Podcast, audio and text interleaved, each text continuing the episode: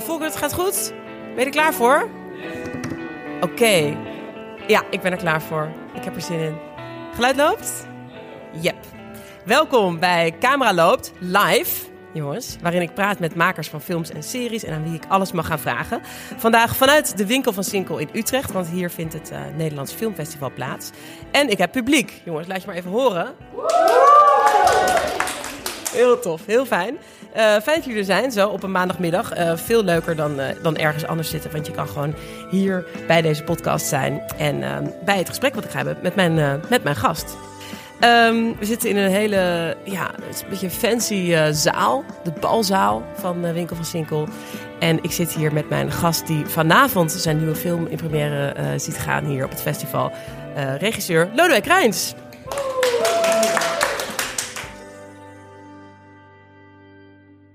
Heel leuk dat je er bent. Ben je zenuwachtig voor vanavond? Hoe ben jij met premières? Ben je daar dan nog extra zenuwachtig voor? Uh, nou, over de inhoud van de film en wat hij uh, gaat doen met het publiek ben ik niet zenuwachtig. En uh, over allerlei dingen eromheen vind ik soms lastig. Het moeilijkste is eigenlijk als je na afloop van een première je medewerkers wilt bedanken, dat als je er één noemt, moet je ze allemaal noemen. Ja. Maar het zijn er te veel om allemaal te noemen. Ja. Dus daar moet je dan een keuze maken. En dan ga je weer mensen vergeten. Ja. Of je krijgt twijfelgevallen.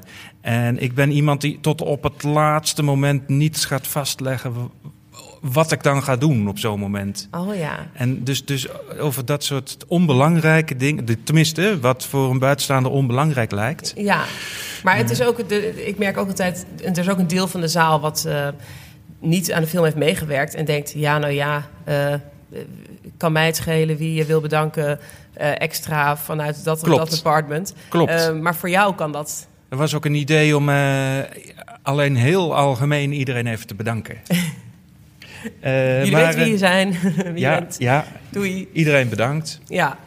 En uh, dus dat soort dingen zijn eigenlijk spannender dan de, dan de film. Want ik heb inmiddels wel een heel duidelijk beeld van wat hij uh, doet bij mensen. En die levert dus hele verschillende reacties op bij verschillende groepen kijkers.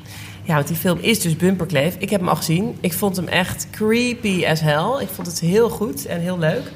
Uh, en um, ja, het is dus echt creepy. Dus we moeten echt denken: uh, horror, is het slasher, is het thriller? Hoe, nee, maar er zijn, ook, er zijn ook mensen die zeggen: het is een zwarte komedie. Oh, ja, ja, en die mensen hebben ook gelijk. Maar die zijn waarschijnlijk al uh, gepokt en gemazeld in het genre van de horror, thriller, suspense. Die vinden dit dan wel weer meevallen? Ja, die vinden dit meevallen en die vinden vooral de humor verrassend. Terwijl andere mensen die ervaren die humor als pijnlijke situaties. En die zijn veel meer bezig met de fysieke dreiging in het verhaal. Ja. Je zei net uh, dat, dat, je wel een idee hebt van wat de film met uh, verschillende groepen mensen doet. Hoe heb je veel test screenings gehad? Of hoe, waar baseer je dat op? Ja, ik ben zelf groot voorstander van testscreenings. En uh, die hebben we ook al uh, tijdens de montage gehouden. En, uh, op... Blijf je er altijd bij dan in een hoekje? Of, of? nee, niet, nee, niet altijd. We laten ook enquêteformulieren invullen. En die bestudeer ik dan. En die spreek ik heel aandachtig door met mijn editor. Okay. En dan krijg je, je krijgt fantastische reacties, misinterpretaties, heel raar commentaar. Maar wat zijn dan de gekke dingen die je bij deze film hebt gehoord? Uh, wat zijn de gekke dingen? Uh, ja, laat ik het. Laat ik het. Uh, nee, laat ik wat anders daarover zeggen. Iemand maakt een opmerking en dan denk ik. Hé, waarom ben ik daar zelf niet op gekomen? Waarom stond dat niet in mijn script? Er is zo'n open deur om iets wat in het begin van je verhaal gezegd wordt, om dat later in het verhaal ook echt te laten gebeuren. En dan doe jij ook nog je best om dat dan weer later uh, aan te passen? Je als het wel... kan wel, ja, als ja. goede ideeën zijn, ja. Ja. ja, wat grappig. Dus je, je komt mij altijd een heel, uh, over een heel autonome maker. Want eigenlijk uh, heb je heel vaak ook geschreven. Bijna altijd schrijf je of schrijf je mee aan wat je maakt, heel vaak. Ja, maar je ziet jezelf meer als regisseur, toch? Of, moet ik, of ben je ook scenarist? Nou, ik ben van de vijf jaar ben ik drieënhalf jaar bezig met scripts schrijven die nooit gemaakt worden. Of niet gefinancierd worden. En heel veel tijd gaat verloren omdat je geen omroep vindt En zonder omroep vind je ook Geen geen, geld. geld. bij het Filmfonds. Dus eh, het knelpunt ligt volgens mij voor een maker niet bij eh, het Filmfonds, maar bij eh, de omroepen. Want die moeten ook kiezen wat ze wel en niet doen.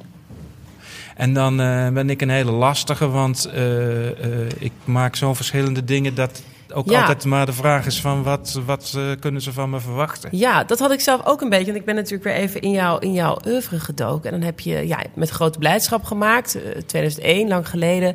Hitte Harara. Dat is dan weer... eh, eh, ja, ook eh, volgens mij een telefilm of was het een Het was de telefilm. telefilm. Loverboy was ook een Loverboy, telefilm. een heel eh, vette telefilm over eh, ja, een meisje dat eh, onder een hele enge en charmante Loverboy, Dragon Bakema, eh weer voorvalt. Monique van der Werf De speelde best dat. bekeken en vaakst uitgezonden Ja, telefilm het is echt ooit. te gekke film. Ik weet nog dat ik best wel onder de indruk was, eh, omdat ik eh, even denken hoor, wanneer was het ook alweer? 2004? Nee, het is- 2003, ja. Een hele generatie schoolmeisjes zijn ermee eh, Ja. opgegroeid. Die kregen hem op school te zien. Ja, Op maar de ik, was, school, ik, als- ik zat echt op een kakschool, dus er waren geen loverboys in de, in, gewoon in heinde verre gewoon oh, geen jullie dachten loverboys van wauw, te gek. Nou, Loverboys. wel zo van, eh, gebeurt dit of zo? Ah, en ehm, het is ook een, ehm, een film waarin je heel erg zo lekker tussendoor gewoon clips hebt en lekkere nummers. En dat het een beetje eh, bij telefilms kan het ook best arthouse-achtig uitvallen.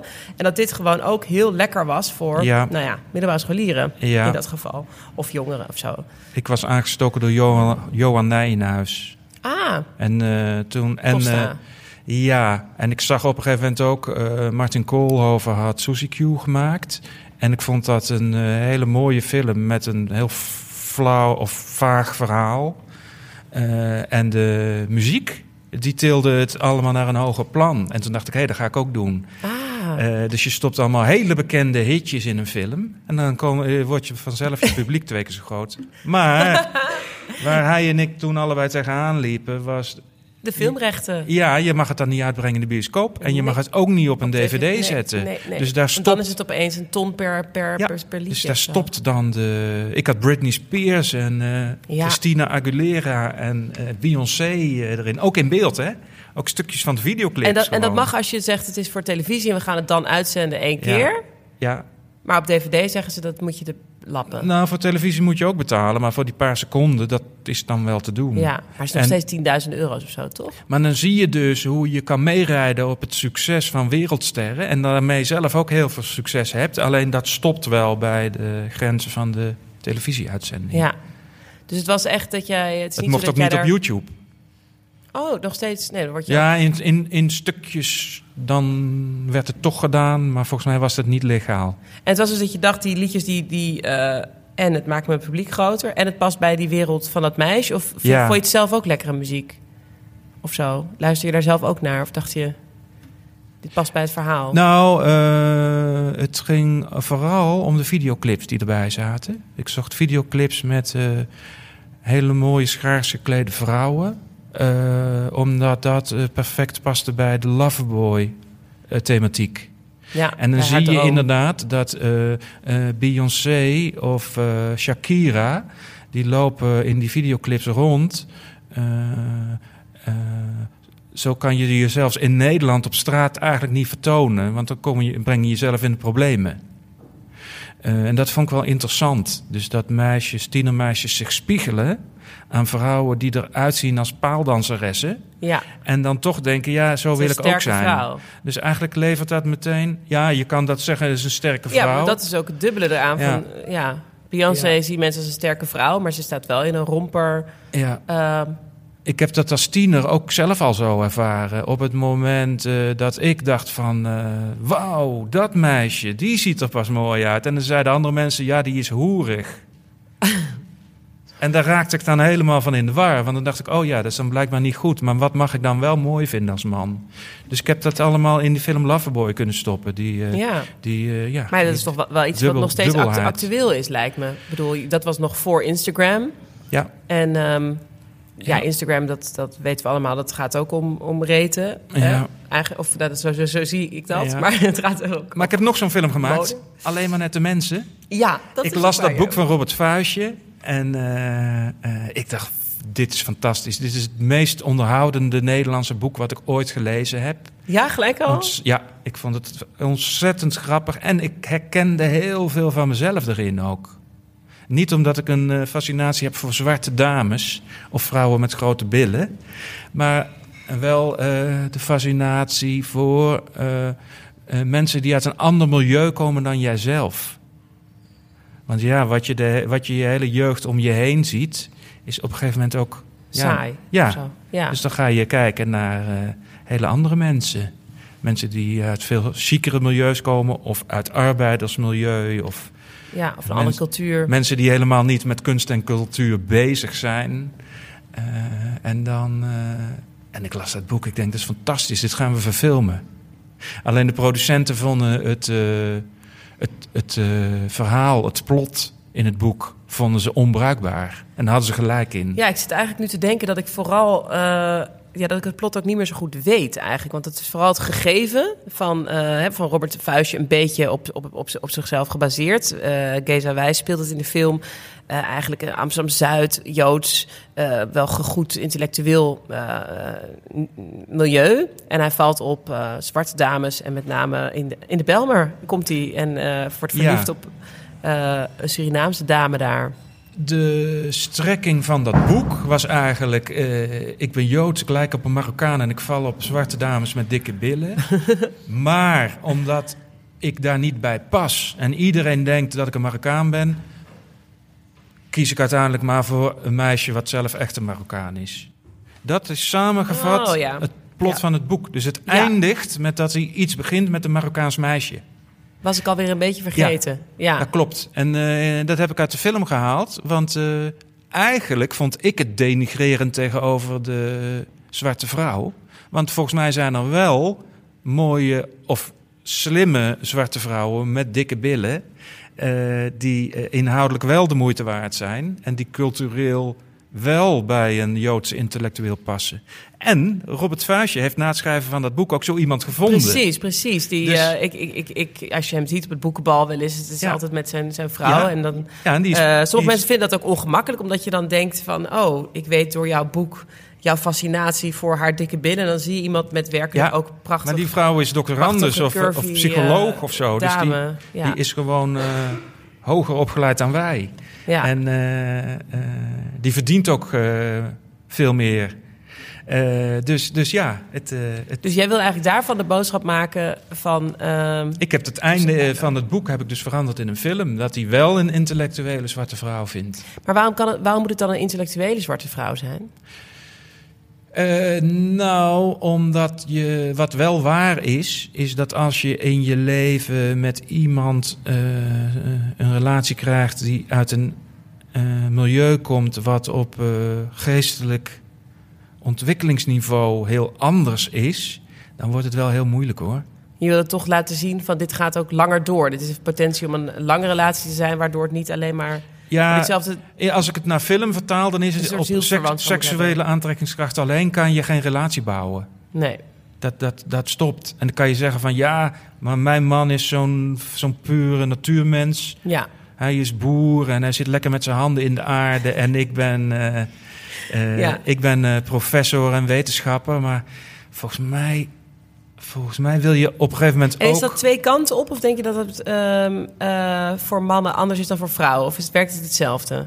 Maar vroeger had je dan meer clichés van eh, piloten die dan met een stewardess... of een tandarts met een Ja, ja, assistent. ik denk dat jij een heel mooi cliché bent. eh, Actrices gaan met acteurs. Keer op keer op keer. Gewoon omdat je iets wilt wat dichtbij voelt, wat vertrouwd voelt. Iemand die begrijpt wat jij meemaakt als je twee weken in een hotel bent en niet thuis komt. Ja. En met allemaal leuke mannen samen een film maakt. Ja. En dan ja. verwacht je van hem dat hij jou eh, welkom heet als je terugkomt. Zonder dat hij begint te zeiken over eh, wie heb je ontmoet. En Ja. wie zat er nog meer in dat En hotel. ging je dan naar die bar? Nee, ja, precies. En nee, dit hebben we helemaal niet thuis, dit soort gesprek hoor. Volgens mij wordt dat heel moeilijk als, je, als jij een relatie zou hebben met de directeur van een autoverkoopbedrijf, bijvoorbeeld. Ja, Dan wordt dat meteen een heel stuk moeilijker. Ja. En eh, Ja, ik snap het. Dus, Ja. ehm, je wilt, dus het gaat niet over dat het eh, voor mannen anders is dan voor vrouwen. dat denk denkt ik gewoon niet. voor me- mensen allemaal hetzelfde. dat denk ik niet. Leuk. Eh, er komen ondertussen nog wat mensen binnen. Hoi, welkom. Ja, ja misschien horen jullie dat. Het, is, eh, het wordt alleen maar gezelliger. Ehm, leuk. Eh, en ben je, als je nu eh, terugkijkt op die film... eh, want het boek kreeg dus ook best eh, ja, pittige reacties. Hè? Sommige mensen die dat, dat dan ja, vonden, eh, vonden het racistisch... of je kan, het, je kan, eh, ja, je kan er van alles in zien. Eh, eh, heb je het... Ik heb het idee dat de film dat een beetje bespaard is gebleven. nou, bij dat? alleen maar nette mensen kregen we weer problemen. Maar Robert eh, kreeg die problemen en ik niet. Ik werd ook een beetje... Ik werd eigenlijk gewoon helemaal niet gezien. En vind je het eigenlijk wel fijn? Want het is, Eh, niet, het is inderdaad Er niet kwamen dat jij... bedreigingen. Er kwamen bedreigingen naar aanleiding van een eh, interview wat Robert aan de lokale radio had gegeven. Of, eh, maar tegelijkertijd, er, werd ook gezegd, er werd toen gezegd, film is beter dan het boek. Door Robert zelf ook. Inmiddels zegt hij weer van, nee, het boek was toch beter. En ja, het is zijn boek. Het is dus, wel fijn als een schrijver zich zo achter, achter een film... eh, Ja, ja, ik heb heel fijn met Robert Vuistje samengewerkt. En hij pikt het dus ook dat jij die lijn uit het verhaal, het einde, verandert. En was dat een moeilijk gevecht? Ja, nee, nee, dat heb ik met hem besproken. En ik zei, volgens mij moet, er een, eh, moet er het eh, g- eind goed al goed eindigen. Anders is de zoektocht voor niks geweest. En zet je ook een, eigenlijk een rode streep door de zwarte vrouw. Ja, Volgens mij wil hij dat helemaal niet.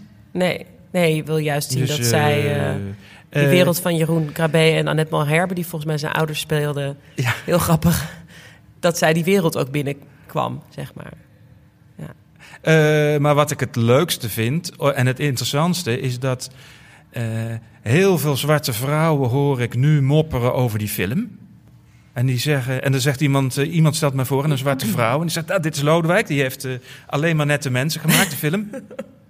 Oh, ben een jij, label, label op je hoofd. ja. oh, ben jij dat, zeggen ze dan. En dan zeggen ze daarna heel weinig. En wat vinden ze daar ongemakkelijk aan? Want Emmanuel eh, Grievous die heeft het eh, gespeeld en die ja, eh, heeft dat volgens mij heel goed en trouw aan dat personage Nou, gedaan. het is voor hen heel confronterend om de, geconfronteerd te worden met de, met de seksistische benadering van de zwarte vrouw. En eh, dan blijkt dat zij dat ook, eh, dat, ja, ik mag ze niet over één kam scheren, maar er zijn veel mensen uit Suriname en uit Antillen die leggen een verband tussen dat ze seksueel aantrekkelijk zijn nu en dat ze 150 jaar geleden hun over overgrootmoeders seksueel eh, misbruikt werden door slavenhouders. En zij leggen een verband. Dus ze vinden het eigenlijk niet getuigen van respect om op, weer op die manier Precies, daar eh, wordt een oud pijnpunt naar boven gehaald... waar ik me helemaal niet bewust van was... maar Ja. waar Emmanuel Grievous en ook de film van eh, Jean van der Velde... mij weer aan deed... Hoe, hoe duur was de suiker? Ja, en, en tijdens bij de voorbereiding van Alleen maar Nette Mensen... heb ik daar ook wel een hoop over gelezen. Toen dacht ik, ah ja, ja, zij zitten nog met pijn uit het verleden. Ja, ook wel een andere tijd. Ik denk dat het discours nu veel meer Hmm. daarover... eh, nu wordt er veel meer over gesproken dan Mm. in die tijd dat je dat maakte misschien. Mm. Ehm, maar ehm, zou je het nu op dezelfde manier gemaakt hebben? Nou, wat ik nog wou zeggen is dat ik eh, naar de bioscoop ging op eh, zaterdagavond in Amsterdam. En dat die helemaal vol zat met zwarte en islamitische meisjes. En vooral die zwarte meisjes, die moesten het hardste lachen. En sommigen moesten zo hard en lang lachen dat andere mensen gingen mopperen van... "Sst, stil nou. Niet de hele t-" want die zaten ook echt er doorheen te schreeuwen van opwinding. En van, oh, wat van- leuk. Dat, ze niet meer bijkwamen. En dat is ook weer omdat ze hun eigen mensen uit hun eigen cultuur herkennen. Wat je bij Bombini Holland ook schijnt te hebben. Dat het het daar, eh, Ja. het dak schijnt er ook af te gaan als dat Ja. eh, in de bios draait. Dus eh, nee, ik ben trots op die film. Alleen maar net de mensen. Het is ook mijn enige film waaraan ik ooit geld heb verdiend met de verkoop van bioscoopkaartjes. Ja? Ja, dus het is Dus mijn, mijn enige winstmakende bezoekers- bioscoopfilm eh, tot nu toe. Jeetje, ja. En, eh, En want hoeveel bezoekers weet je uit je hoofd hoeveel dat... nou, het was niet eens zoveel, maar 400.000? eh, 340.000. ja. Eh, maar eh, het was meer dan de film had gekost. En de P&A van de distributeur. Dus ze waren blij met jou. Met de film. Ja, ze hadden het hier vrijdag op de opening nog over. dat het de beste eh, lopende film van eh, septemberfilm Ja, is tot nu toe, zeiden ze. ja. En toen dachten ze, nee, dat klopt niet. Maar zo zit het in De ieder geval in hun- septemberfilm is de is de distributeur. En dat is vrij, een vrij kleine Ja, die Eh, doet wat meer kwaliteitsfilms. ja. Ja, zo. precies. Het is Ja. geen, geen grote publieksfilms op zich. Ze doen nu ook Instinct, geloof ik. Toch? Ze doen Instinct, Dus misschien dat dat wel een zeker. goed jaar gaat worden. Ja. Ja. Dat doen, maar ja, Instinct doet zichzelf, hè? Instinct gaat als een trein. Ik heb het gezien, het is ook een hele goede... ja? Oh, ja. Het is ook een Het is de hele... Ik heb het nog Ik niet vond het heel erg de moeite waard. Ja, het geeft een prachtige inkijk in eh, de TBS eh, in Nederland. In hoe je in een kliniek moet omgaan met gevaarlijke mannen. En hoe je niet met ze om moet gaan. En wat erbij komt kijken. Ik ben al heel lang met een eigen TBS-film bezig. Oh ja? Over eh, Willem eh, van Eyck, het beest van Harkstede. Het beest van Harkstede ken ik niet. Wie, wat, eh, Dat is een man die had wat heeft hij gedaan? twee vrouwen op een verschrikkelijke manier vermoord en daarna verkracht. Ah ja, in die volgorde. En Nee, toen heeft hij 18 jaar TBS gekregen. Maar toen is hij getrouwd met een vrouw uit de vrije wereld met vijf kinderen. Dan had de kliniek ook gezegd van ja, moet je doen, want dan kan je wel goed resocialiseren. En toen kwam hij weer vrij. En toen heeft hij nog eh, minstens drie prostituees eh, vermoord en daarna verkracht. Jemig. En pas na tien jaar kwamen ze op het idee om hem eens te gaan oppakken en ondervragen. Dat speelde zich allemaal af Groningen, van Mesdagkliniek en de omgeving daar. En jij bent bezig met een film over, over hem uit, vanuit het perspectief van Eh, vanuit, iemand van een kliniek? Of, eh, vanuit verschillende perspectieven. ja. Maar ik vind de film van Alina Rijn al een uitstekende weergave van, van die wereld. En een, ja, toch wel een intrigerend liefdesverhaal. Mooi, we gaan het, we gaan het zien.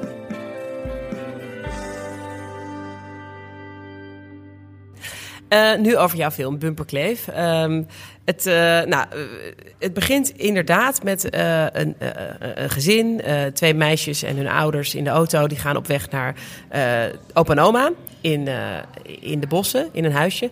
En ze gaan gehaast op weg. En Jeroen Spitsbergen die speelt de vader Hans. En die is nogal ehm, ook iemand die wel lekker door wil rijden, door wil gassen. En die komt op de weg iemand tegen. En dan begint hun nachtmerrie. Afstand houden. Van die idioot, wat doet die gek? Hoe ben jij zelf op, op de weg als jij auto rijdt? Ben jij ook iemand die zo achter iemand gaat rijden en dan lichtsignaaltjes en... Nou, ik wil ermee beginnen dat ik 27 jaar schadevrij rij. Oké. En dat ik voor het laatst een boete voor te hard rijden heb gekregen vier jaar geleden, denk ik. En dat kwam, ik reed toen nog steeds met een eh, zwart nummerbord uit de jaren 70. En op een gegeven moment had ik het idee dat de, hoe heet het, de snelheidscamera's dat nummerbord niet herkenden als nummerbord. Want ik had zes jaar lang geen boete voor te snel rijden gekregen.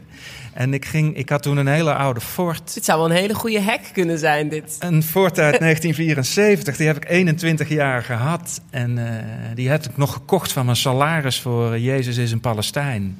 En eh, ik dacht, ik ben onzichtbaar voor de radar. Dus ik ging steeds harder rijden van Utrecht naar Amsterdam, waar je maar 100 mag. Ja, ja. En ik kreeg nooit een boete.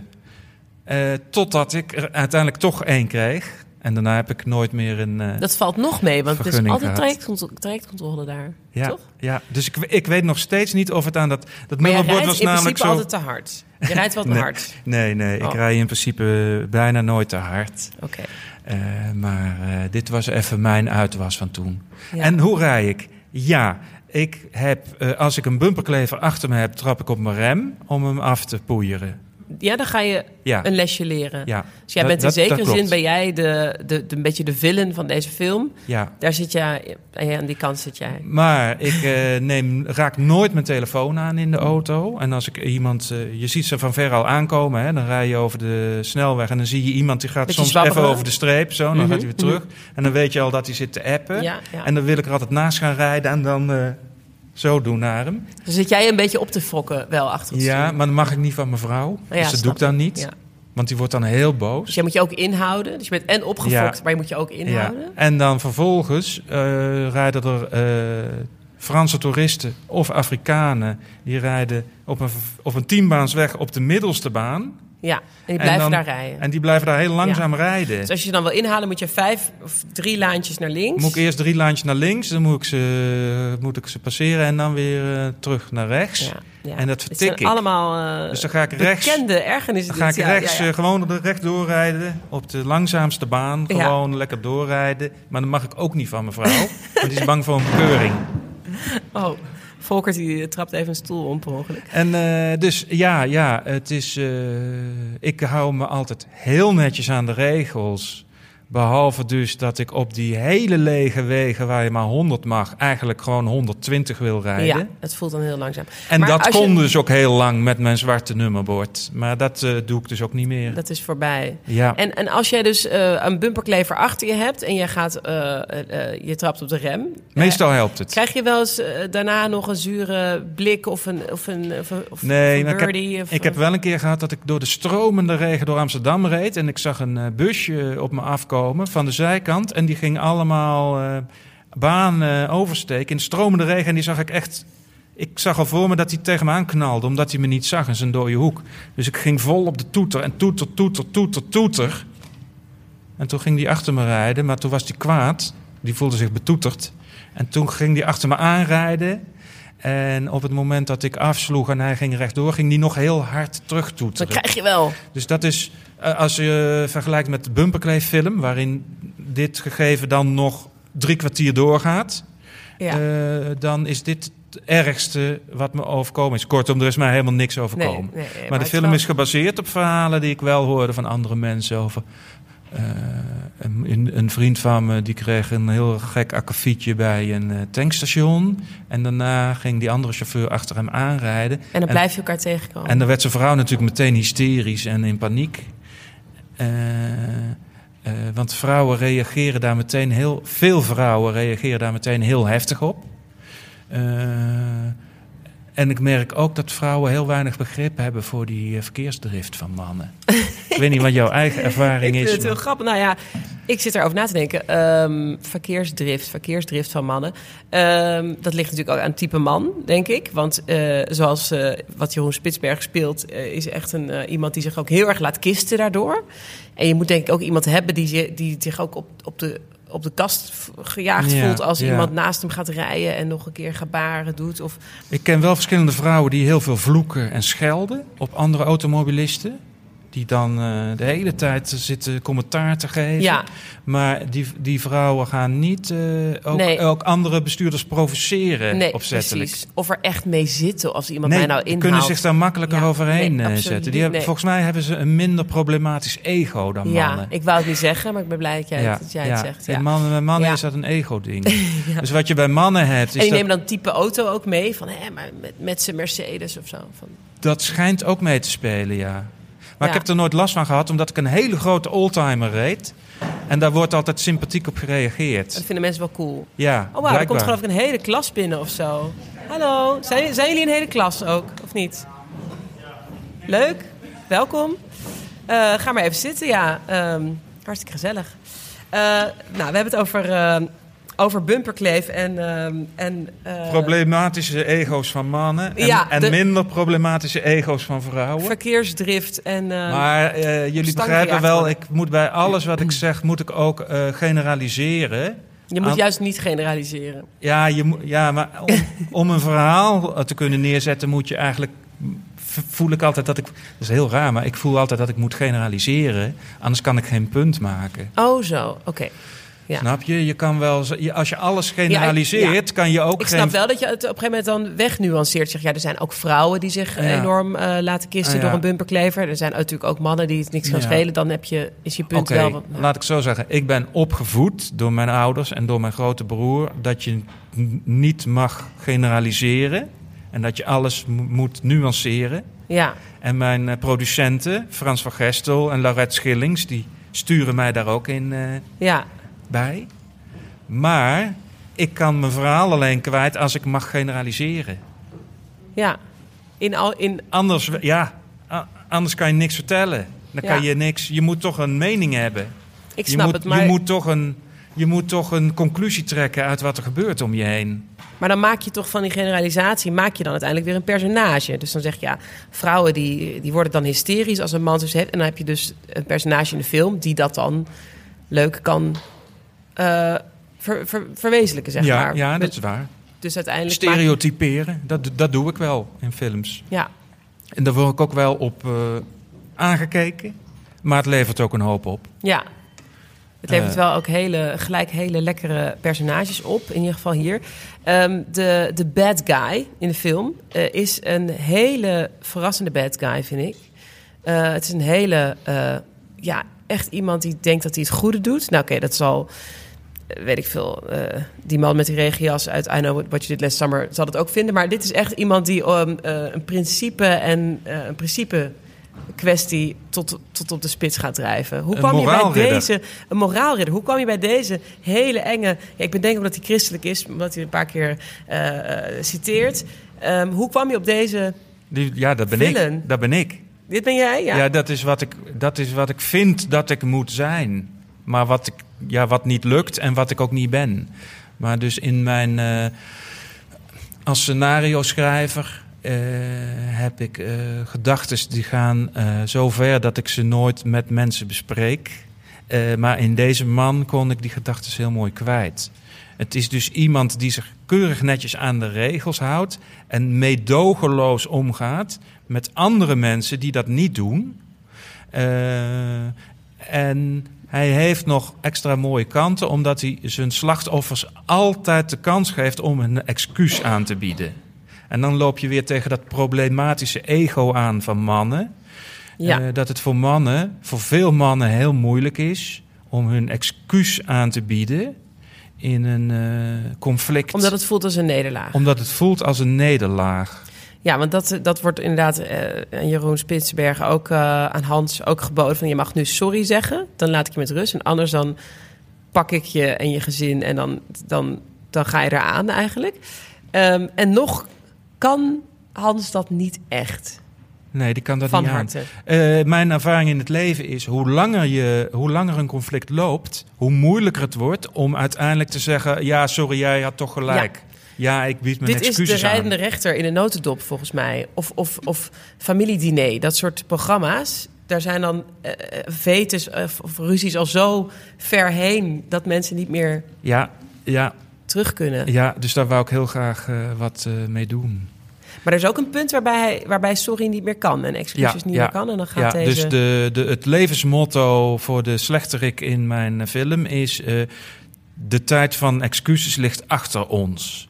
Dus als je bij hem over zijn eh, geduldsgrens heen gaat... dan eh, is er niks meer met hem te beginnen. En dan krijg je een soort fascistische acties van hem. Dan gaat hij gewoon zijn tegenstander uitschakelen. Ja. En hij is... En dan gaat hij ook niet rekening houden met familieleden of andere mensen die erbij horen. Dus bij hem gaat dan de knop om.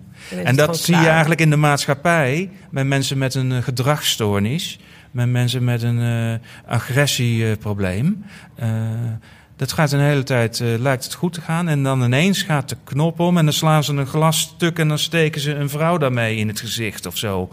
Dat je denkt van, die Ja, mensen zijn, dat die moeten gewoon uit de samenleving worden verwijderd. Voor dat er een eeuwig. punt, een punt is waarbij, waarbij Ja. ze En, maar ja, dat, meer voor reden vatbaar zijn. dat is dan ook weer eh, een combinatie van dat problematische ego van de man en daarbij een eh, psychische stoornis.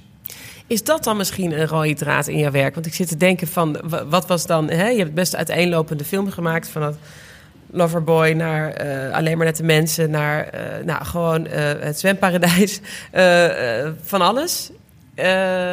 Ja, zit daar iets in? in nee, dat, er, in zit dat geen, ego? eh, er zit geen eh, draad in mijn film. Want eh, mijn eerste films, Jezus is een Palestijn, ja, is 1990. gemaakt omdat de, omdat de omroep, de VPRO, die wilde een, loofde een soort prijsvraag uit. eh, en het thema was al bepaald, het jaar 2000.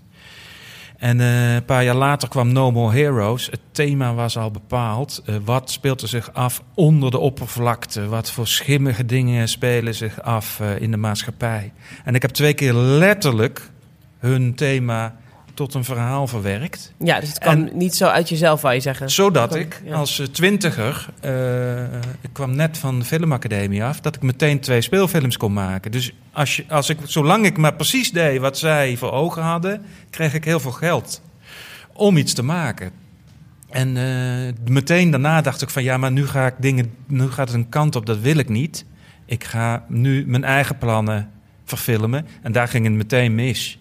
Want die plannen zijn allemaal Want was het dan te extreem of te, te raar? Ja, of te, te extreem en ook aanstootgevend, opruiend. Mensen zijn dan bang voor eh, reacties. We hebben ook bedreigingen gehad van mensen waar een film over ging. Of er werd gezegd, die film kan nooit in de bioscoop worden uitgebracht, want er komen er rellen. Want dus kies- we stoppen er geen geld in. onderwerpen als, weet ik veel, antisemitisme voetbalhooligans. voele- voetbalhooligans. Oh ja. het, van de straat, het van de straat schieten van criminelen. En dan dat je er ook een lekker gevoel bij krijgt. dus eigenlijk... eh, het van de straat schieten dus door de politie, bij wijze van spreken. Door Nee, door burgers. de, dus dat Ik wil- burgers dan ik wil heel graag- een computerspel... Ik wil heel graag een film maken over een winkelier die een aantal keer wordt eh, overvallen. En eh, de, e- eerste keer is hij slachtoffer, de tweede keer bes- besluit hij terug te slaan, maar dat gaat dan niet helemaal goed. En dan gaat hij zich voorbereiden op de, op de gewapende strijd. En dan schiet hij ook gewoon iedereen neer die eh, iets slechts in zin heeft. Eh, waardoor hij natuurlijk heel veel Nederlanders achter zich krijgt. die dat echter niet durven te uiten in de media. Dus Ja, hij krijgt ja. dan een stille. Het zijn Maar er eigenlijk. is wel een beetje zo'n beweging aan de gang... dat mensen het eh, soms toch best goed vinden... als iemand voor eigen rechter speelt. Ik heb thuis een eh erepenning van de politie staan. omdat ik een keer een gewapende overval heb eh, verijdeld. door de overvaller aan te vallen met een eh, fles bier. Echt waar? Ja, en toen kreeg ik van de drankwinkel een heleboel flessen cadeau. En van de waar? politie een penning, ja. Ja, dus ik maak dan hele persoonlijke... En hoe wist je dat hij... Dat hij eh, eh, was het in de drankwinkel de overval ook? Ja, En, en jij, jij, hoe wist je dat hij dat van plan was? omdat eh, ik was de enige klant in de drankwinkel. En toen ik naar buiten liep, zag ik iemand waarvan ik dacht... Hé, hey, zo ziet een filmboef eruit. Oh ja? Ja. Maar bivakmuts, alles, nou, hij keek mij heel nerveus aan. En hij stond te wachten met een tasje in zijn handen. En toen liep ik terug naar huis. En vlak voordat ik de hoek omging, dacht ik... toch nog even omkijken. En toen was hij weg. Hij was spoorloos verdwenen. En ik Toen dacht je, dit is zo'n moment. kan maar één ding eh, betekenen. Die is de winkelier aan het overvallen. Maar ik zie de hele tijd dat soort dingen. Gisteravond stapte ik hier voor de winkel van Sinkel op mijn fiets. En toen kwam er een eh, man aan met een lange baard op een racefiets. En die zette zijn fiets tegen het hek hier beneden, maar die was niet op slot. Ik denk, hè, dat is raar. Er komt iemand aan, die zet een racefiets niet op slot en die loopt de winkel van Sinkel in. Maar al halverwege het terras verdween die. En toen zag ik hem teruglopen met een, eh, een krat vol met lege flessen. En die nam hij mee op zijn racefiets en toen fietste die snel weg. Dus hij heeft een, een krat met, met lege flessen gepikt. Ja, waarschijnlijk Stiekem leeft hij van het statiegeld. En op zo'n moment raak ik dan in de war. Dan denk ik, moet ik dit binnen Ja. melden? Maar eh, ik, ik zie de hele tijd dat soort dingen. Ik, heb, ik denk ook nu allerlei dingen. Ik denk, wat Ja. onhandig een, een lege krat op een racefiets. Ja, Eh, dat klopt. Ook praktisch. Hij heel, fietst ook eh, slingerend heel weg. Maar ik zie die dingen en de mensen met wie ik samen ben, die zien dat niet. Oh, wat grappig. Dus ik wil daar dan de hele tijd films over maken. Ja, ik snap dat. En ja. Kijk, van deze man denk ik dan, ja, die is zo sneu. Die moet. eh, Ja, als hij die d- 5,90 moet, euro die moet, nodig bier- die moet heel goedkoop bier Ja. kopen van eh statiegeld. Dus misschien moet ik hem niet verraden. maar, bij die gewapende overval dacht je, nee, dit is... ja, weg ermee. en je bent Uit de alweer samenleving eh, verwijderen, denk ik terug, dan. terug de winkel ingelopen? Ben je dit aangaan of heb je gewoon om het hoekje gebeld bij die, bij die drankwinkel? Nee, nee, ik ben met, het was zo'n fles kabouterbier. Zo'n grote. Ik ben gewoon zo, als knuppel. Ben je gewoon Ben ik- zo die winkel in? Ja, en eh, toen... eh, hij had een mes op de, op, in de heup van de verkoper. Eh, maar toen En hij mij zag, ging de begint overvaller er vandoor. Want toen dacht hij, hey, nu wordt het twee tegen één. En begon je ook te, te vloeken en te schreeuwen en zo? Nee, maar ik heb hem eh, net zo lang door de buurt achtervolgd... tot de politie hem heeft ingerekend. Nou, dat is geweldig. Want eh, Jeetje, op ja. een gegeven moment kwam hij vlak langs het politiebureau. En toen ben ik het politiebureau binnengerend. En toen zei ik, als je nu naar buiten gaat, dan kun je hem oppakken. Ja, En, eh, de politie was toen naar de drankwinkel. Nou, kortom, ik wil hier dus films over maken. ja ik snap het. Maar iedere keer, en, en al tien jaar lang... maar iedere keer als ik die plannen inlever bij het Filmfonds... dan, zien ze dat niet zitten, eh, want dan vinden ze het te gewelddadig en te extreem. En de overvallers zijn helaas altijd van een bepaalde bevolkingsgroep. En dat mag ik dan ook weer niet. Dat is dan heel onprettig om dat in een script te zien. Mhm, mhm. Dus ja, dat is, eh, hoe moet ik nou zeggen? Wat ik in mijn eigen leven meemaak en wat ik denk, is gewoon te extreem voor subsidie aanvragen. Ik krijg dan bijvoorbeeld te horen, ja, eh, Lodewijk, wij snappen best dat jij eh, protestfilms over de maatschappij wil maken, maar subsidie is er niet om bevolkingsgroepen tegen elkaar op te zetten. Mhm. De subsidie krijgen wij van de overheid om bevolkingsgroepen bij elkaar te brengen. En om mensen uit verschillende culturen en milieus bij elkaar te brengen. Ja, dus zij zien het echt als een, als een politiek pamflet. Wat jij dan. eh, Ja, maar dat wil ik ook. Ik wil ook heel graag politieke films maken. Maar die hebben wel een heel eh, eh, een rechtser karakter dan wat ze hier gewend zijn. Aha. Snap je? Dus. En, zou je, wil je via een andere weg. Kijk, en je kan, wel, je met- kan wel zeggen, je maakt van al die criminelen maak je blanke mensen met een hoge opleiding. Maar ja, dan ben je geen eerlijke indruk aan het geven van het straatbeeld in Amsterdam West, waar ik jarenlang gewoond heb. En zou je, eh, als ze jou vragen voor Mokro Mafia seizoen 3 om dat te regisseren, zou je dat willen regisseren? Eh, ik heb nog nooit iets van Oh, Mokro Mafia gezien. Nee, het is een, een serie over eh, Ja, ja, dat weet ik. Nee, nee, eh, maar meer ik, vanuit de criminelen. nee, ik Dus- wil natuurlijk de film maken over een man die eh, zich bewapent. advocaat? eh, nee, Oh. nee die, eh, die er een eh, radicaal einde aan maakt. Aan die eh, hele groep. Eh, maar ja, er zijn er ook weer allemaal mensen die zeggen... dat mag je niet doen, Lodewijk. En dan kom je in de Nou, problemen. ik ben benieuwd. En- Misschien, misschien, eh, nou jongens, het loopt hier helemaal vol. Wat, Pak nog, er nog een paar stoelen. Ga, ja. Ga lekker zitten. Ehm, Kijk, ik heb gewoon een hele erge grote hekel aan criminelen. En aan crimineel gedrag. En aan mensen met een strafblad. En dat krijgt dat maar niet uit mijn hoofd. Maar eh jouw hoofdpersoon in Bumperkleef is zelf ook een beetje een lul. Ja, klopt. Dus ik zeg niet het- dat het ik er gaat niet niet ben. over dat... eh, nee, oh, precies. dat is, Nee, ik, ben, eh, ik kan heel bot uit de hoek komen. Ik kan heel mensen verschrikkelijk beledigen. Ik kan mensen ook hun leven verzieken, heb ik tot mijn schrik ontdekt. maar, je vindt een strafblad en maar gewoon ik, de ik, wet zal, ik zal nooit iets doen waarmee ik de wet overtreed. Nee, Behalve dan eh, 120 rijden, eh, waar je 100 mag. waar je 100 mag, maar waar je 180 zou kunnen. Omdat Ja. de weg leeg is. Een hele brave, brave Ja, wat dat betreft ben ik een hele brave bumperklever. ja. Ehm, nou, in de film eh, eh, die eh, ja, ontspoort het. En we hebben een hele lekkere villain die ook nog een, eh een ongediertebestrijder is. Toch? ja. Eh, dat wordt ook, ik vind het heel fijn dat het... ehm, eh, het is ook, heel veel dingen worden niet zo uitgelegd. Weet je wel, er staat niet... In, in sommige versies van deze film had er dan op het busje gestaan... eh, weet ik veel, een bedrijfsnaam van... Ja, maar in deze En- film en heeft deze film alles niet. een reden. Namelijk, als je dat op het busje zet, dan weet je ook meteen of Dat die man het wel is of niet is. En later in de film is er een sequentie waarbij iedereen in het, waarin ieder busje ja, de dan word je dader gewoon kan helemaal gek... en dan ziet hij overal busjes en dan Eh, blijkt iedereen dat te hebben. En dan moet het gevaar Ja, overal zijn. Dus de conclusie was, er mag niks op dat busje staan. En het is heel mooi dat jij dit noemt, want dit is een van die dingen. Dan ga je met een art director bespreken, wat staat er op het busje? En als ik er dan goed over nadenk, dan denk Niks, ik... veel dan, ma- dan mag helemaal niks op het busje staan. Ik vind dat heel lekker dat het ook niet uitgelegd wordt. Je denkt, wat gaat hij nou doen? Wat pakt hij daar voor chemische dingen? En ehm, nou, hij gaat ze dus eh, echt te lijf. Eh, er zitten ook twee, eh, twee kinderen in, de twee dochters van het gezin. Nou, die, hebben, die schreeuwen en huilen wat af in de film eigenlijk al. Ja. Na, ik weet niet, na een kwartier of zo zitten Ja. die al... Moeten de hele, eigenlijk, gillend. ik Hoe heb heb een casting gehad. Ik zei, nou, ik wil meisjes die kun, moeten kunnen huilen als ik zo doe. En dan moeten ze de hele film huilen en gillen en krijsen. en ja, dat, die bleek er, eh, die bleek er eh, één te zijn. Roosmarijn van de Hoek. Ja, daar heb ik ook een keer mee gewerkt in, eh, in Levenslied al. Dat is Ja. heel leuk. zij acteert al eh, sinds ze zes is. Ja, sinds ze zes is. En die kon gewoon, als je zo doet, begint ze te huilen. En Ja. ik had vroeger een meisje in mijn film Jezus een Palestijn. Die heet Dijntje Blom en die kon dat ook. En alle geschoolde actrices, of alle soapactrices die toen ook kwamen, die hadden daar meer moeite mee.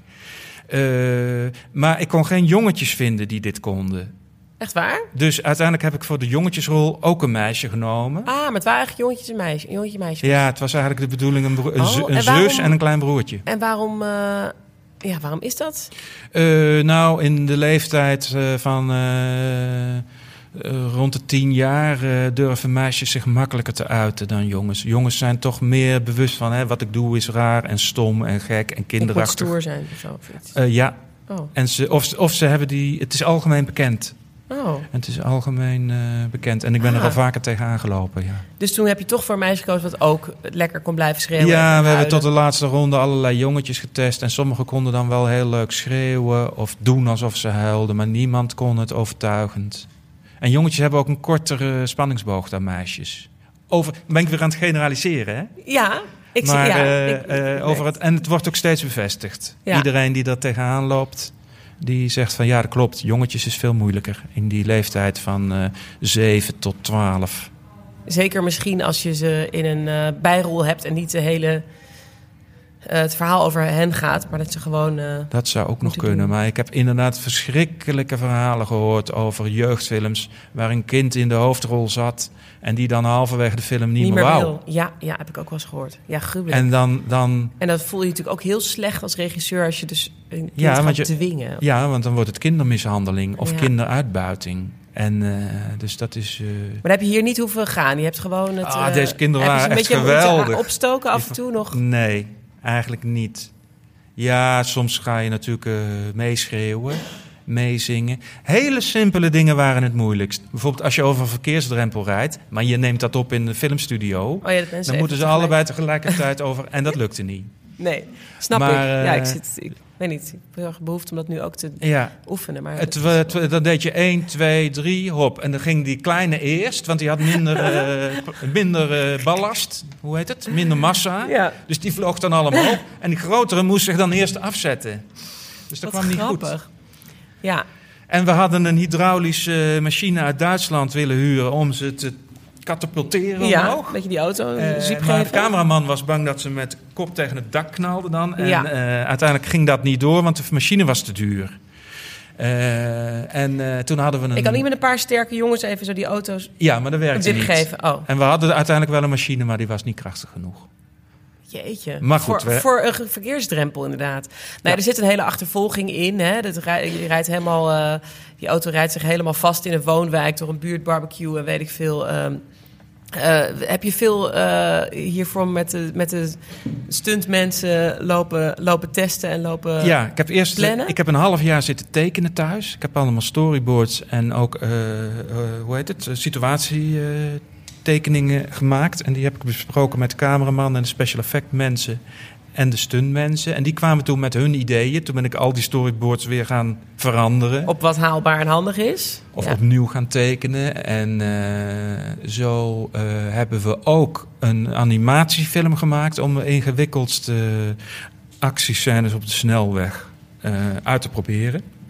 Het wordt namelijk heel moeilijk. Dat heb je laten tekenen echt. Als een- Want als je acteurs hebben dialoog en dan zit je aan tijd vast.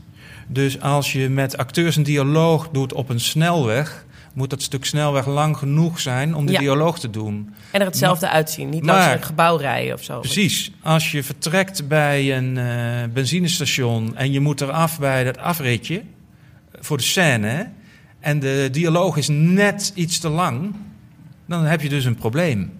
Dan moet je het in tweeën knippen en dan moet je eerst de eerste helft opnemen. En dan een klein stukje overlap en de tweede, zodat je weer precies goed uitkomt Ja. bij het afritje. Want dan zeggen ze van, nou, hier moeten we eraf. En eh, het was zo ingewikkeld dat we dus eh, animatiefilms hebben gemaakt met computer.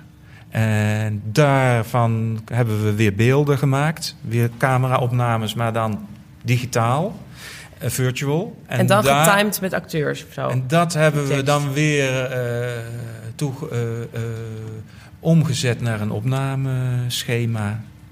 Dus het was heel, eh, het was een, een eh, hoogstandje, voor mij althans. Roel René zal zijn hand er niet voor omdraaien. maar voor mij was dit eh, hogere wiskunde film maken. Ja. Ik zit nu, bedenk nu dat we de film ook een keer langskwam in de, in de aflevering met Janneke Marcus.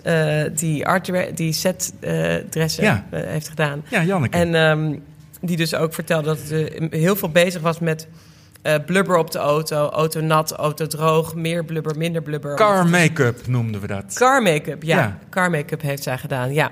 Ehm, dus dat is in de aflevering waar, eh, waar ik haar door heb gesproken. Die werd er ook... eh, Ja, we hadden drie dezelfde auto's nodig. Eentje zonder wielen en zonder motor voor in de studio, die op een draaiend platform stond. En hoe minder ballast die auto heeft, hoe sneller we kunnen laten wippen en schokken. dus die had ook geen, die had geen, geen motor ook? Echt nee, een- nee, want de, motor is, eh, de motor is een eh, kwart van het gewicht Ja. van een auto. En de wielen zijn, eh, en de wielophanging zijn ook een belangrijk deel van het gewicht. En wat bepaalde het type auto? Mocht, kon je dat wel bepalen? Of was het van, jongens, als we dit gaan doen, dan moet het maar met deze Volvo? Of... Nee, we hebben naderhand. Nee, we, ik, ik wilde eigenlijk een SUV, omdat ik dat belachelijke auto's vind voor Nederland. ja, SUV's snap zijn, ik. Ja, ja, dan kan SUV's je zijn bedoeld ja, voor mensen die in de bergen. wonen. Zweden of zo. En ja. iedereen die een SUV rijdt op een Nederlandse weg is gewoon een domme eikel. Want je hebt helemaal geen vierwielaandrijving nodig in Nee, Nederland. nee. Zelfs niet op een. Van het eh, gooien naar Amsterdam. nee. Of naar... Dus die mensen zijn alleen maar bezig met imponeergedrag. En nou kan je dat en ook dat zeggen. paste wel bij je bij Kan je, Hans. dan kan je dat ook zeggen over iemand die een oldtimer rijdt, zoals ik. Maar in ieder geval ben ik nog de, eh, het fotografische hoogtepunt van de Bloemstraat in Amsterdam Centrum. Met me- mijn auto dan, hè? niet ik, maar mijn auto. Dus het is nog een toeristenattractie. Ja, ja. Maar zo'n SUV is verder gewoon, ja, er is helemaal niks Heb je leuks zo'n aan. bruine auto? Hoe weet je dat? Nou, je zegt de Bloemstraat, daar maak ik altijd Ja. een foto van. Ja, maar echt waar? Dan maak je altijd een foto nee, ik van. heb daar wel eens een foto. Ik maak daar wel eens een foto. Die, die, die eh, goudbruin. Ja? Nou, wat grappig, weet ik gewoon welke auto het is. Ja, echt met, waar. met schuine achterkant. Ja, ik heb eh, daar een kantoortje gehuurd. eh, heb daar weg van jou heb ik daar geschreven. Dus het, ik eh, liep daar vaak langs. Maar Ja, hij is ter ziele. Ik heb hem deze zomer verkocht aan een Ja, ja, autocrosser. twee jaar geleden, ja. Want hij was op. Maar goed, even terug naar de Ja, SUV. nee, waarvan acte Eh, fotomoment. Ja, zeker. Ah, dit is heel leuk. Ik ben dan met een vriendengroep aan het barbecuen en dan bespreken we auto's en dan bespreken we mijn film. En dan zeg ik, ja, het gezinnetje rijdt in een SUV.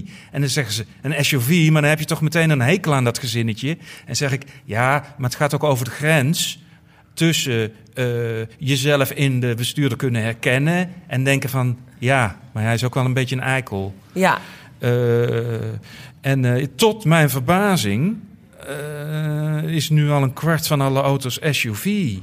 Terwijl al toen ik klein was, leerden we op school... we moeten kleinere auto's gaan rijden voor het milieu en minder benzine... zodat de Arabieren niet te veel aan ons verdienen. Want ze geven het alleen maar uit aan onzin. En, en, en nu is iedereen die Arabieren aan het eh, subsidiëren met eh, enorme SUV's. ja. Ik Heb jij een SUV? Nee, ik heb Oh, geen SUV. oh, gelukkig. maar ik moet wel zeggen dat er ehm, ook, eh, dat er ook nieuwe auto's zijn die veel zuiniger zijn dan je zou denken.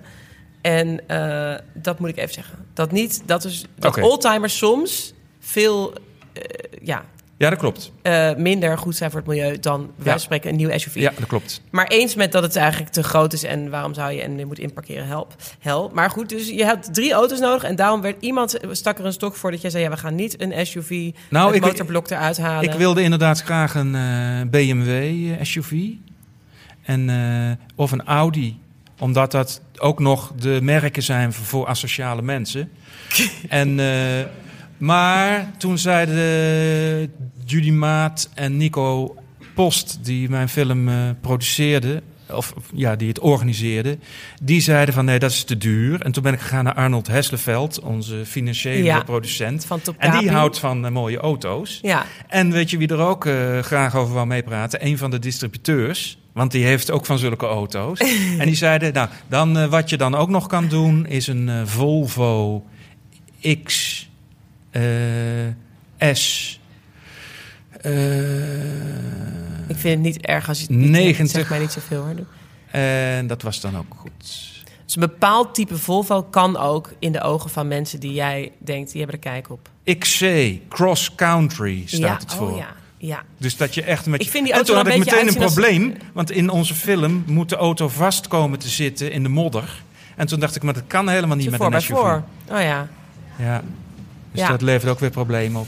Ehm, ja, die, dus het moest wel een dure... De auto moest wel vertegenwoordigen waar jij... Ja, aan zeker. Ja. Le- dus je hebt drie stuk. Dus je hebt eentje Ja. in de studio. We hadden dan eh, twee, eh, auto's die reden. En de ene was dan vies gemaakt. En de ander was schoon. Zodat we op dezelfde locaties het begin en het einde van de film achter elkaar door konden filmen. En soms moest die even worden moesten ze allebei schoon zijn.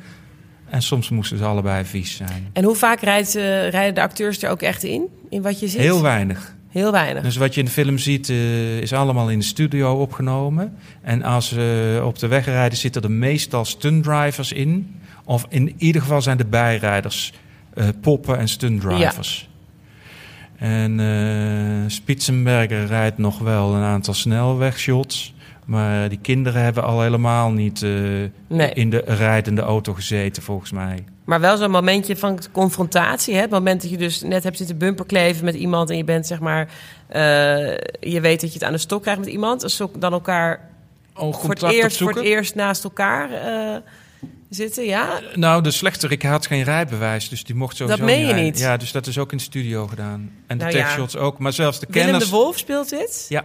Eh, nee, Willem de Wolf heeft geen rijbewijs. Die dus geen die rijbewijs. rijdt de hele film, lijkt het alsof hij rondrijdt. Maar eh, hij, eh, van mij mocht hij wel rijden. Ik had ook een automaat voor hem geregeld, zodat hij niet hoefde te schakelen. Ja, maar je bent toch altijd van de, niet de wet overtreden en zo? Ja, maar voor een film doe ik dat dan Kan weer alles. wel. Beetje, ja, nou, ik weet Ja. niet, ja. Ja. Rijbewijs wel handig, hoor. Nee, maar het is zo, als je geen rijbewijs hebt, maar je rijdt op een filmset of op eigen terrein, dan mag het officieel wel. Ja, maar dit is gewoon eh, een stuk snelweg. Maar oké, ik ga toegeven, ja, ik heb ook mijn eh, hypocriete kanten. Namelijk wat ik wel heel graag doe, is stiekem filmen. Bijvoorbeeld, ik wilde heel graag de film voor grote delen stiekem opnemen op snelwegen en kruispunten. Maar dat mocht niet van mijn producenten, omdat we dan niet verzekerd zijn. mhm, En omdat ik dan de acteurs in gevaar breng. ja. En de cameraman heeft op die manier al een keer een verkeersongeluk gehad. echt waar. Terwijl die moest filmen van de producent op de achterbank. En de acteurs dan even snel de weg op moesten om binnen een uur een scènetje te draaien. En de cameraman had daar dus ook geen zin in. Oké, Bert. Pot is dat. Die heeft het eh, waanzinnig gedraaid. Draait ook eh, Hollands Hoop onder andere. Ja. Bert gaat Pot, enorm, dankjewel. Die eh, ja, heeft, Bert heeft samen gedaan. met zijn technische kleurcolorist eh, eh, John heeft hij een systeem ontwikkeld waarbij we achtergrondprojecties niet deden met gr- greenscreen en inkieën naar de rand, Mhm. maar met een enorm televisiescherm van voetbalstadions. Waarop we de achtergronden ook eh naar 200 graden rondom ons konden projecteren. Zodat we in de studio verschillende kanten op konden filmen. Wauw, dus je hebt inderdaad... Nou, ik wou net zeggen, het ziet er ook niet zo ingekiet uit. Maar het is Nee. dus... Ja, je zet ze echt als een, voor een groot drive-in bioscoopscherm. En je kan gewoon...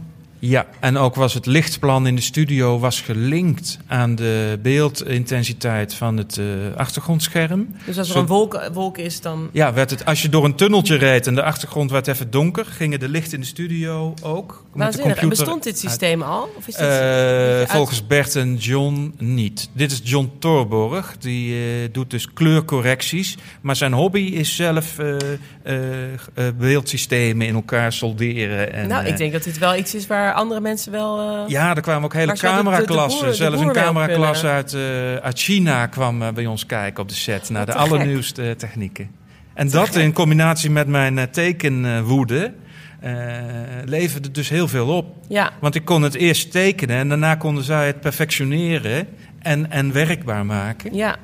Anders hadden we voor deze film 50 draaidagen nodig gehad en nu waren het er 34. Waanzinnig. Wat ontzettend leuk om te horen. Geen idee. Je zou inderdaad ja, allerlei eh, andere dingen verwachten. Te gek zeg. Ehm, ik ga eventjes naar... eh, oh, daar gaat ook weer, gaan ook weer wat mensen weg. Nou, doei. Die eh, gaan dan naar een naar- voorstelling. En... Waar gaan jullie naartoe? Ga je iets doen? Oh, ze hebben een afspraak. Nee hoor, ik vind het leuk dat je er bent. Dankjewel. Zo Ah, gaat het jongens. Het is een festival, dat is altijd... eh. Je publiek vragen waar ze naartoe gaan. Ja, ik ben benieuwd. Want Oh, ehm, ja, dat is dan gewoon een, eh, een klas of zo.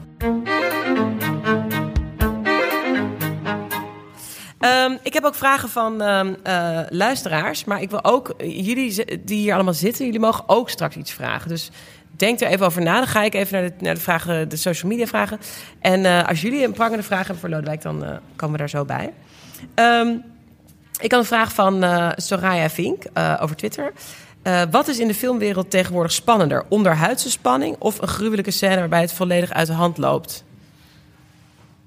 En zij vraagt vooral van wat is in de filmwereld Ja, ik tegenwoordig? ik wat- snap de vraag heel goed. jou, in Jezus is een Palestijn, zei ik. Als je het onderwerp wil behandelen, moet je het laten zien. Dus daar kwam inderdaad het kapotslaan van een schedel van iemand die nog leefde. En daar kwam een close-up van een penetratie bij een, eh, eh, een, eh, ja, een ongemakkelijke seksscène, leesverkrachting. En dan vond ik, als je het erover wil hebben, ja, dan moet je ook alles laten zien, anders is het hypocriet. Maar momenteel is het zo dat ik heel weinig laat zien. Ik ben ook een jaartje. dus 20 jaar geleden. Ja, was is 20 dat je- jaar geleden, ja. En nu laat ik eigenlijk bijna niks zien. Dus eh, in, eh, er, worden wel mensen, er, worden wel mensen doodgemaakt, maar dat eh, is suggestie. En ik ben nu op een moment in mijn leven dat ik met suggestie werk. En over het algemeen houden, houdt het publiek wat Nederlandse films kijkt, houdt ook meer van suggestie, Ja, is mijn indruk. ja. Ik krijg daar minder commentaar op dan als ik het allemaal expliciet doe. En, en sowieso zit horror zit in het verdomhoekje in Nederland. Ja, dat is, er zijn weinig eh, eh, Ja. grote, grote Ja. films. dus, eh, die, mensen bij de tv-omroep houden niet van horror. Mensen bij het filmfonds hebben niks met horror. En daarom houden producenten ook niet van horror, want krijgen ze niet gefinancierd. Maar er gaan wel heel veel mensen in de bioscoop naar Ja, en we hebben Eh, natuurlijk Jan Doenze. Quiet Place. Ja, Jan Doens is inderdaad. Mr. van, Horror Nederland. Ja, die heeft ook het. eh, dat is een filmliefhebber die ook het Fantastic Film Festival had. Bijvoorbeeld een soort. eh, ja, en zich altijd. en een liefhebber van horrorfilms. Als opwerp voor horrorfilms. Maar we hebben inderdaad niet zoveel. Ik hoop echt dat hier heel veel mensen die gewoon naar Amerikaanse horrorfilms, die, waar elk jaar wel iets van uitkomt, dat die ook hierheen gaan. Dat zou wel leuk zijn. Of bijvoorbeeld waar we het vorig jaar over hadden van Dirk van Rooyen, The Possession of Hannah Grace. Ah, Eh, nou, je noemt nu Diederik van Rooyen, maar een van de inspiratiebronnen voor Bumperkleef was voor mij zijn film Taped. ah, In, Barry Atsma, ja. in Argentinië met Barry Atsma en met Suzanne Suzanne Visser. En wat ik zo goed vond aan die film is dat die één lange achtervolging is met twee acteurs op een plek, op, e- in eenheid van tijd en eh, ook wel ruimte. Dus het wordt niet uitgesmeerd over eh, maanden of jaren. ja. Eh, en eh, wat ik daarvan weer eh, geleerd heb, wat me bevestigde, is als je spanning wil maken in film, dan moet je zorgen dat het binnen een korte tijd zich afspeelt. Want iedere nacht die er verstrijkt tijdens je verhaal, in je verhaal, is eigenlijk een nacht waarin je de politie had kunnen bellen of had kunnen ontsnappen. Ja, ja. ja. En op het moment dat het over acute dreiging, bedreiging met de dood gaat, volgens mij is dat de definitie van thriller. ja. Hier in Nederland noemen ze alles maar thriller. Ze noemen de film van Halina Rijn een thriller. Eh, maar ze wordt nooit met de dood bedreigd. Dus voor mij is dat geen thriller, maar een drama. Ah, Eh, En eh, een, eh, eh, de definitie van thriller is volgens mij dat de hoofdpersoon vanaf de eerste acte tot aan de laatste acte wordt bedreigd met de dood. En het dan wel of niet overleeft. En pik je dan misschien ook sneller als het dus eh, in dat korte tijdsbestek is als iemand slechte keuzes maakt? Want dat is ook zo Ja. lekker aan bijvoorbeeld Scream of Ja. zo. Dat je denkt, waarom rennen mensen altijd naar boven? Weet je wel, als ze gewoon weg moeten gaan. Of waarom bellen ze niet even? Of waarom zet je niet je Ja. telefoon uit? Weet ik veel. ehm, eh, hier is het ook af en toe dat ik denk: oh nee, waarom zeggen ze niet tegen de politie dat dit of dat? Dat mensen de verkeerde keuzes maken, waardoor het verhaal weer Ja. lekkerder zijn ruimte Je loopt er altijd tegenaan als scenarist. Eh, dus je moet, eh, je zult. In al dit soort films zie je. In het begin van de film wordt uitgelegd waarom ze niet de snelweg nemen, maar een landelijke route. en dat is omdat je op een snelweg mag je niet filmen. En dan vervolgens leggen ze uit waarom de telefoons het niet doen. Ze vallen in een emmer water of eh, er is geen, Geen bereik. Ja. Ja. En eh, iedere keer zie je dat opnieuw. En naarmate de techniek in de maatschappij zich ontwikkelt, zie, je- zie- heb je als filmmaker ook meer problemen waar je tegenaan loopt. Maar goed, ik dacht, eh, deze film hebben we dat ook weer, maar dan gaan we ermee spelen. Dus je kan de politie wel bellen, dat doen ze ook. Maar ja, dat duurt dan nog een kwartier voor ze er zijn. Weet ik uit ervaring. precies. En dan... En dan eh, inderdaad, dan moet je zeggen, waar ben je? Maar ja, ik ben in een bos. Ja, welk bos? Ja, dat en dat bos. Ja, waar dan? Ja, langs die weg. Nou, dan moet je toch nog zeker een kwartier wachten. En in dat kwartier kan je vermoord worden. Dus eh, daar heb ik mee gewerkt in deze film. Heerlijk. Eh, je kan het ook zien in Jewel van Steven Spielberg. Ook dat speelt zich af eh, in een korte tijd op één weg. Wederom de landelijke route, want hij kreeg geen eh, eh, toestemming om op een snelweg te filmen. En dat is ook te duur met alle figuratieauto's. Maar eh, ja, dat kan je ook van zo'n film, van zo'n film leren. Tof, tof. Ehm, ik ga door naar de volgende vraag. Ehm, van Christiane Spicht. Wat is de rol van muziek of geluid, achtergrondgeluid, bij dit soort films? Dus bij de, de thriller.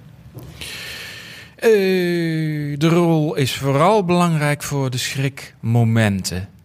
Je kan eh, eh, de muziek kan je.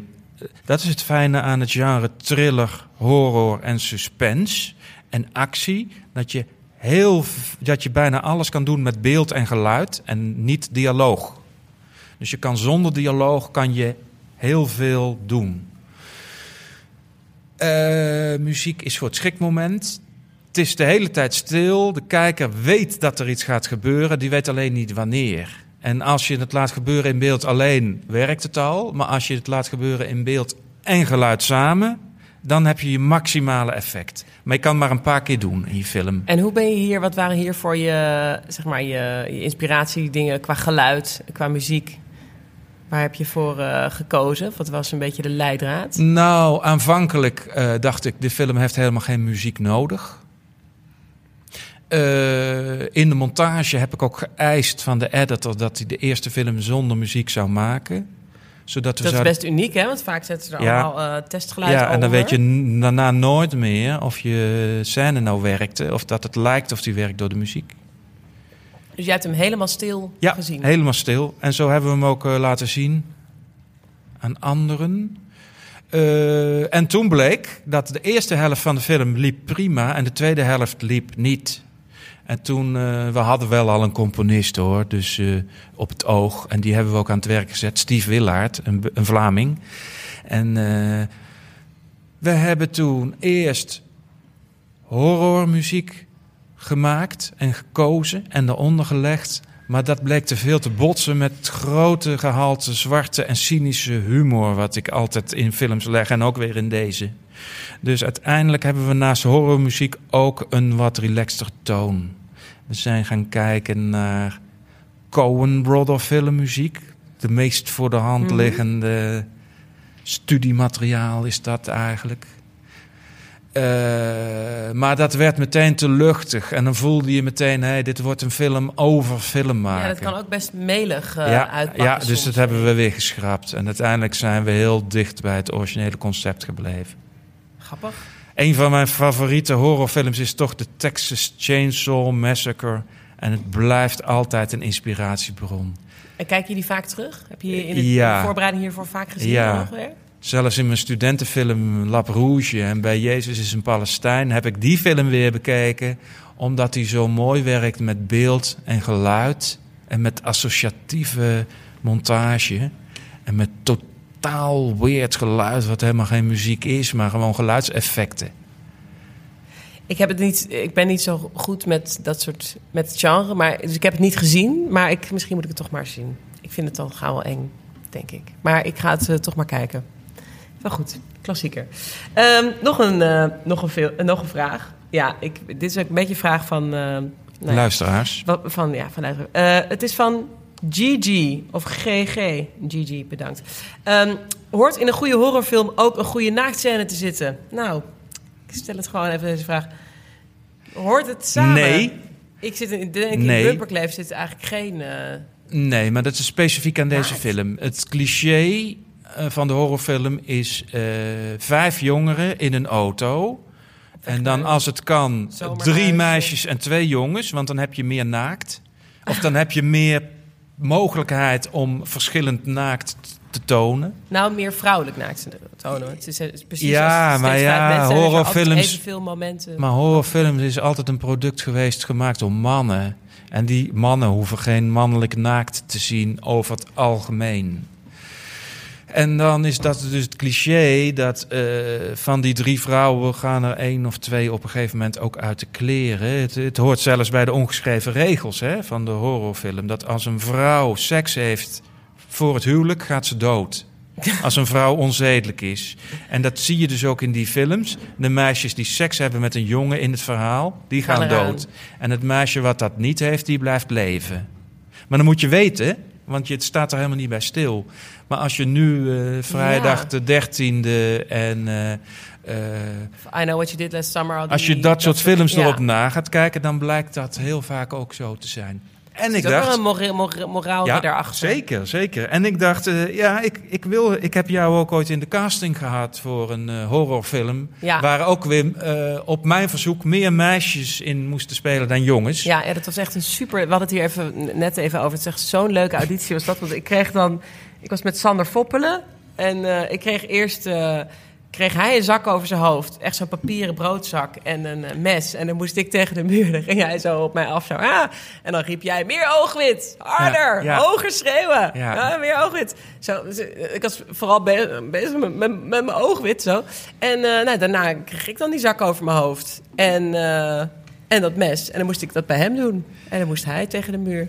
Heel grappig. Het had, In die tijd dacht ik nog, ja, dat wil ik ook als filmregisseur. Maar nu, ik ben zo moe van al die films. Want ik heb ze allemaal gezien de afgelopen 30 jaar. ja, er zijn er En veel ik ben zo, en ook. ik heb nu, het is, het is zodanig uitgemolken dat ik dacht, ik wil iets maken over. Mijn vrienden hebben nu allemaal gezinnetjes.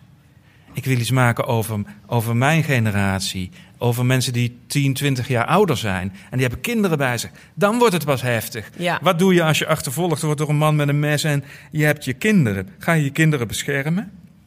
En zo ja, hoe? Ga je het gevecht aan? Ja. Of dek je de ogen van je kinderen af?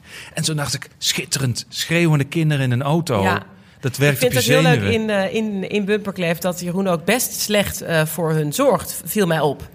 Ik vind dat hij daar heel bij, heel, eh, eh, dat hij dat heel onhandig ja, hij is aanpakt, meer met zijn eigen lekker- ego bezig Ja, dan met het het welzijn verhaal. van zijn kinderen. Ja. En daardoor zit, je ook, zit ik ook zo van, nee, wat, Ja. wat, wat doe je nou? Waar rennen ze heen? Let op, let op man. Nou ja. ja.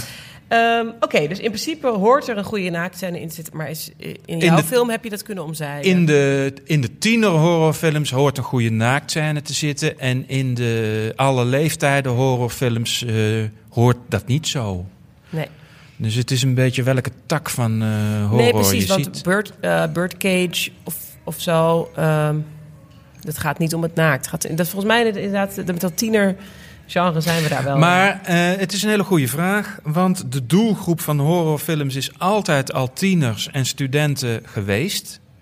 En daar kun je ook nog origineel voor de dag komen met een naaktscène, want die men- jonge mensen hebben nog niet zo'n lang kijkverleden.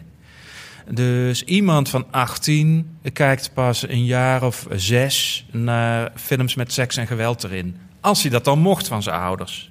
Ja, Maar iemand van 40 die heeft al eh 25 jaar kijkverleden. Dus die heeft veel meer gezien. dus dan moet je als regisseur, bedoel je, kan je ook niet zomaar... eh, dus je kan eigenlijk wel juist lekker citeren voor iemand van 18. Voor, En voor, dan is voor een jong publiek kan je blijven ja. citeren. Dan zie je ook dat de oude films steeds opnieuw worden gemaakt. Worden geremaked.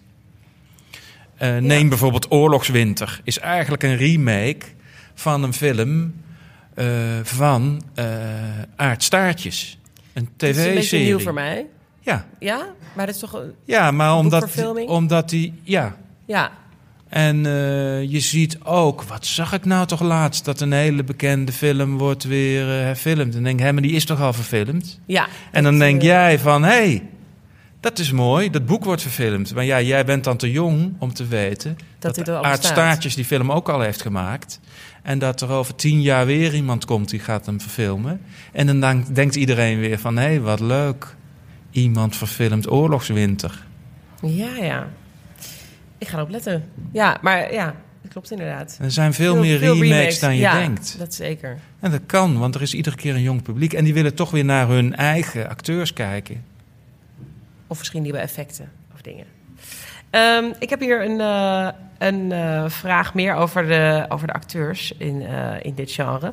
Van Mark, je inleven in een rol karakter bij zo'n type film. Hoe gaat dat en hoe gaat het voor jou? Nou, ik, ik zit niet echt in deze film, dus ik, ik, ik paas dat even door naar, de, naar mijn collega's. Ehm, eh, dus hoe eh, gaat dat, dat, dat inleven? Eh, in jouw geval, in het geval van Bumperkleef, zo'n Willem de Wolf. Ehm, kon hij enigszins in het inkomen in het personage? Kon hij daar... Was hij het er ook af en toe mee eens? Dacht hij, ja. Of Willem de Wolf zich kon inleven in het personage. Ja, maar ik bedoel qua... Ja, ja, maar, Ja, ja, maar Wi- Willem de Wolf is een professioneel theateracteur. Dus die is getraind en die is, hij is ook al wat ouder. Hè? Hij, eh, Ik vond het ook heel leuk dat hij niet zo bekend is bij eh, het groot. Hij heeft eigenlijk niet zoveel filmervaring, maar dat maakt het heel prettig. Want dan weet je in het begin ook echt niet waar die, wat er gaat gebeuren. Je weet ook echt niet Ja, of het een het was een, figurant is die straks weer verdwijnt. De was een fantastisch. eh, Job Kastelein heeft de casting gedaan. En Willem de Wolf was eigenlijk een grote verrassing voor mij, maar ook voor mijn producenten. We wisten eigenlijk niet dat hij bestond. En hij blijkt in twintig Nederlandse films te zitten. Maar altijd met zo'n kleine rolletjes dat zijn naam niet blijft hangen. En zijn gezicht dus blijkbaar ook niet. En nu heeft hij gewoon een eh, hoofdrol. In, hij is nu rond de 60. En eh, nu heeft hij gewoon een hoofdrol eh, waarin... Ja, hij is een geschoold theateracteur. Hij kan zich in alles inleven. En soms zei hij ook... Ja, moet ik niet, moeten we niet ook deze oude vrouw gaan verkrachten nu? Ik zei nee, nee, nee, Willem. Gewoon alleen maar aanvallen met je gifspuit is eh, genoeg. En eh, haar door elkaar rammelen en op bed Ja. gooien. En dan, oh, oh, oké. Nee, prima. Dus, dus hij was tot alles bereid. Dus. Ja. hij had zich in alles kunnen inleven. Ja. Hij had ook de rol van eh, Marwan Kenzari in, eh, In Instinct Instinct uitstekend kunnen spelen. Heerlijk. Eh, Ja, alleen precies. ja, ik denk dat dat voor, voor eh, Carice wat minder aantrekkelijk was geweest. En voor Halina. Eh, maar dat had hij ook uitstekend kunnen doen, weet Ja. ik zeker. Dus het is eigenlijk, eh, zeg je ook, het is ook, niet, het, is ook niet anders voor dit genre dan voor. Nee, maar het leuke is, als ik Willem de Wolf zie, dan denk ik van dat is een eh, psychopaat. Dan denk ik niet dat is een acteur. Want Ja. niemand kent hem als acteur. Ja, dat is, dat is er leuk aan, ja. En, niet, dat je terwijl bij. Marwan, ken, Marwan die speelt dan ook heel mooi een psychopaat. Maar dan denk ik wel van, oh ja, eh, maar deze man is ook eh, Wolf. Of zit ook in Wolf. En hij is ook, heb ik gehoord, Jafar. kapitein Oh. Westerling. Ja, de Turk in de, de Oost. En Ja, eh, heel, uit. heel verrassend. over ben ik ook heel nieuwsgierig naar. Maar, maar dat is dus de meerwaarde van een onbekende Ja, acteur. Marwan speelt een psychopaat, maar onze Willem de Wolf is een psychopaat omdat mensen hem niet kennen. Ja, heel leuk dat je producenten ook daar voor zijn gegaan. Ja, Voor een, ja. Het is ook een heel merkwaardig, warmhartig, maar wel typisch mens. Is hij heel lang? Is het een man van... Hij Ja, komt over alsof hij twee meter is. Ja hij stootte de hele tijd zijn hoofd, dus Oh, we ja. moesten de hele tijd opletten dat hij niet, want hij is zo lang. Nou, geweldige, geweldige Hij rol. is echt voor mij de grote ontdekking. Terwijl de andere acteurs zijn misschien wel betere acteurs. En zijn ook bekender. En spelen ook betere of grotere rollen. Dat zijn geen Maar ja. verrassingen. ja, en die hebben zelfs al met elkaar voorstellingen gespeeld. Ja. Dus eh, Nog een vraag van eh Olivier van Kuijen. Nou, je bent ook aanwezig, dat vind ik wel heel leuk. Maar dit was al over, eh, over, over Twitter. Ehm, eh, kun je de beste spanning als script... of is het iets wat je in de regie en montage bereikt? Kan je toch... Weet je al waar die spanningsmomenten zitten nou, als het je leuke aan dit script was dat toen eh, mijn producent Laurette het gelezen had, dat ze toen eh, een nacht niet geslapen had. Het is een zei ze. compliment, ja. En er waren meer. Ik heb nog nooit zoveel complimenten op een script gehad. Want mensen zeiden: je begint erin te lezen en je wil het in één druk uitlezen om te weten hoe het afloopt en of ze het overleven. ja, ja. En eh, dus in de. En ik kreeg veel complimenten over de. Ik heb van Jean van der Velde geleerd hoe je actiescènes. En dus ook horror, want horror is ook altijd actie. Hoe je dat moet schrijven. Namelijk, je schrijft wat je in een shot wat er gebeurt. Dus er staat niet, eh, het loopt volledig uit de hand en na een groot gevecht eh, eh, weet eh, Spitzenberger het hoofd boven water te houden en komt hij eh, veilig aan land. Nee, er staat, hij stapt in de auto en ineens ziet hij iets in zijn spiegel.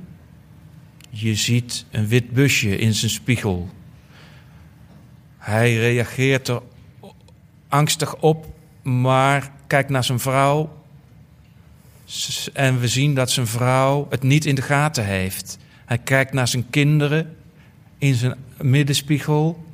Ziet de gezichten van de kinderen, die hebben het ook niet in de gaten. Dat je nooit het doel, dat je niet het, het doel van die Precies. scène Je gaat van stapje naar stapje Ja. naar stapje, zodat de lezer hetzelfde ervaart als de kijker. Ja, En dat heeft Jean mij eh, geleerd. En dan wordt je script veel langer, want je hebt allemaal kleine zinnetjes waarin staat wat de visuele stappen zijn. ja. En de audiostappen.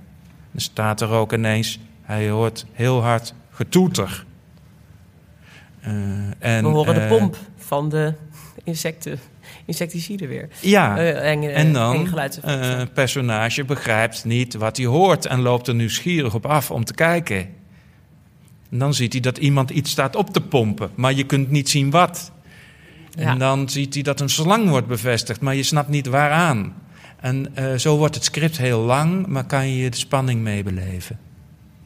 En op die manier wordt er heel weinig geschreven. De meeste schrijvers houden toch van mooie dialogen schrijven. En de meeste acteurs houden ook van mooie dialogen spelen. Ja, is dat zo? Ja, interessant. Nou, een acteur kan excelleren in dialoogscripts, maar een acteur kan maar zelden excelleren in het spelen van een achtervolgingsscène. Snap je? Dat is toch veel meer technisch gedoe.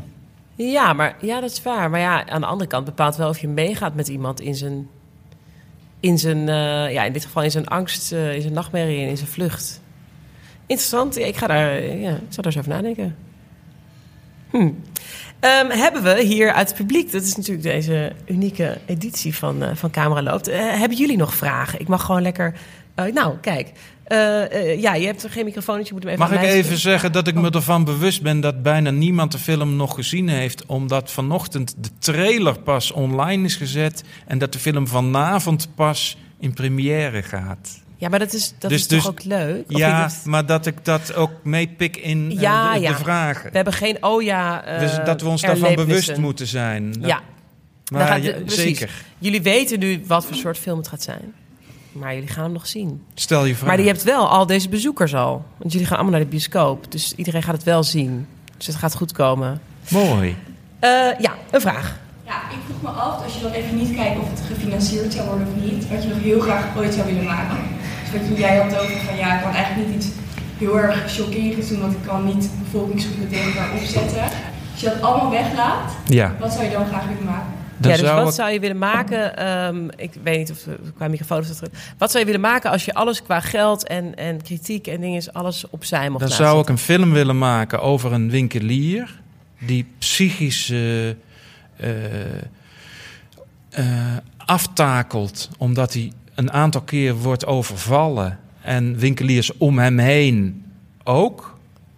Eh, en dat de psychische terugslag van die, eh, van die gebeurtenissen is dat hij zich gaat bewapenen en eh, zoveel mogelijk criminelen probeert neer te schieten voor de politie hem oppakt. Hoezo kan je dat niet maken dan? Eh, ik ga het weer proberen. Is dit maar- script er al of zit het alleen nog in je hoofd? Eh, er zijn twee verschillende scripts. En die zijn ook allebei ver uitgewerkt geweest. Eén is eh, van tafel geveegd door de toekomstige directeur van het Filmfonds. En de ander is ooit ontwikkeld met hulp van Lemming Film en Jan Eilander. Als consultant Ja. bij het Filmfonds was die toen. Maar eh, het belangrijkste kritiek was... eh, Lodewijk, in jouw script zijn alle Marokkanen eikels. En toen z- zei En dat is ik... generaliseren. Ja, eh, en eh, dat was het belangrijkste commentaar. Waarna ik ook te horen kreeg eh, bij het Filmfonds van... ja, je mag geen bevolkingsgroepen tegen elkaar uitspelen. En daar is het gestrand. Eh, de VPRO wilde er nog een eh, telefilm van maken... maar hebben uiteindelijk gekozen voor de film Oom Henk... Eh, en daar is het bij gebleven. Dus ik loop nog steeds rond met twee scripts. waarvan ik in ieder geval een variatie daarop hoop te verfilmen ooit. Nou, maar deze- inderdaad, deze zitten ze in de eh, etalage. eh, we moeten de. Ik moet afstand nemen van mijn leven in Amsterdam West. Daar zag ik inderdaad heel veel cri- cri- Marokkaanse criminaliteit. En eh, ik moet me openstellen voor een, ja, voor een eh, vrijblijvendere kijk op criminaliteit. En het dan opnieuw proberen.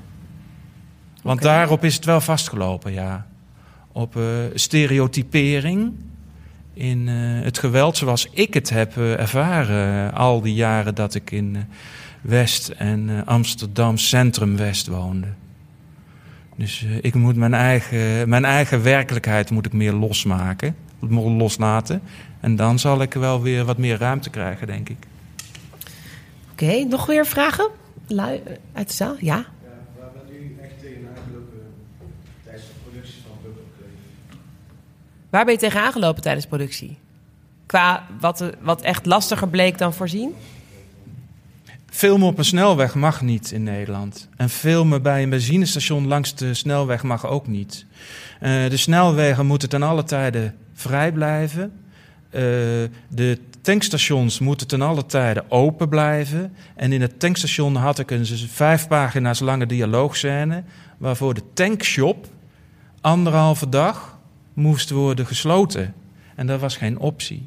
Dus uiteindelijk is de scène helemaal niet bij een snelweg gedraaid. Maar heb ik een digitale snelweg gemaakt. En een tankstation ook ergens in de stad of ergens een ander op een industrieterrein. Het industrieterrein. was eigenlijk een tankstation voor, voor truckers, voor vrachtwagens. Eh, dan de snelweg. We dachten nog, we doen net als in Speed van Jan de Bond. We nemen hem op eh, op een snelweg die in, onder constructie is. Dan heb je een paar banen vrij. Ja, ja. En dan heb je aan de overkant toch al het figurantenverkeer wat er toch al rijdt.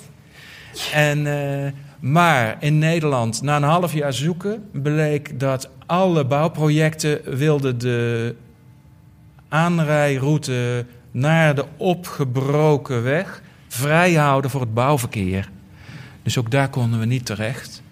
En eh, uiteindelijk zijn we met een vliegtuig naar eh, Hongarije gegaan om daar een test te doen op een stuk snelweg van 1100 meter lang.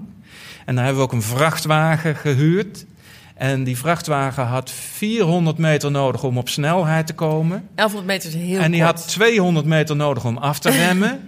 en toen hadden we dus over eh 1100 min 6, hadden we dus 500, een halve kilometer over om te filmen. Maar dat was precies het stukje waarbij die over een viaduct ging.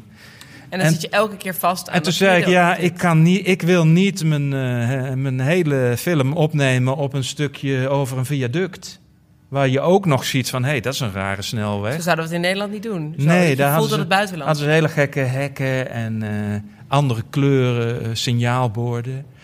En gelukkig hebben de Brabanders in Hilvarenbeek ons toen gematst. Want eh, langs het safaripark de Beekse Bergen loopt een weg van Tilburg naar Hasselt.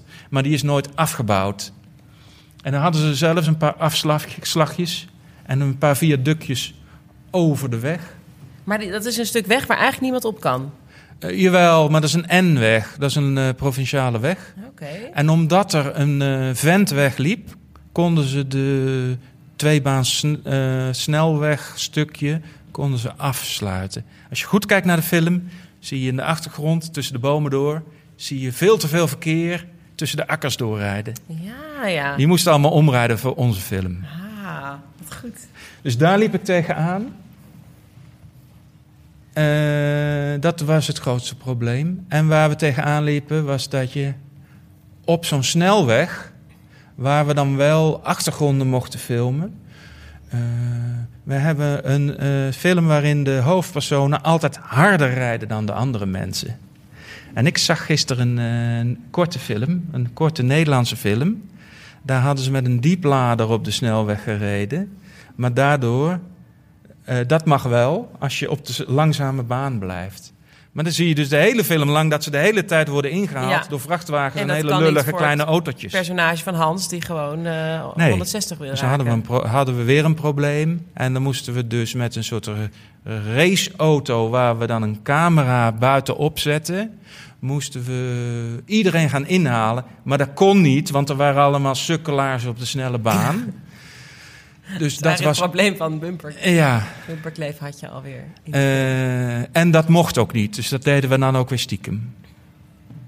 Geestig. Dat waren wel de grootste problemen. Dus het was echt technische, eh, wetgeefkundige problemen.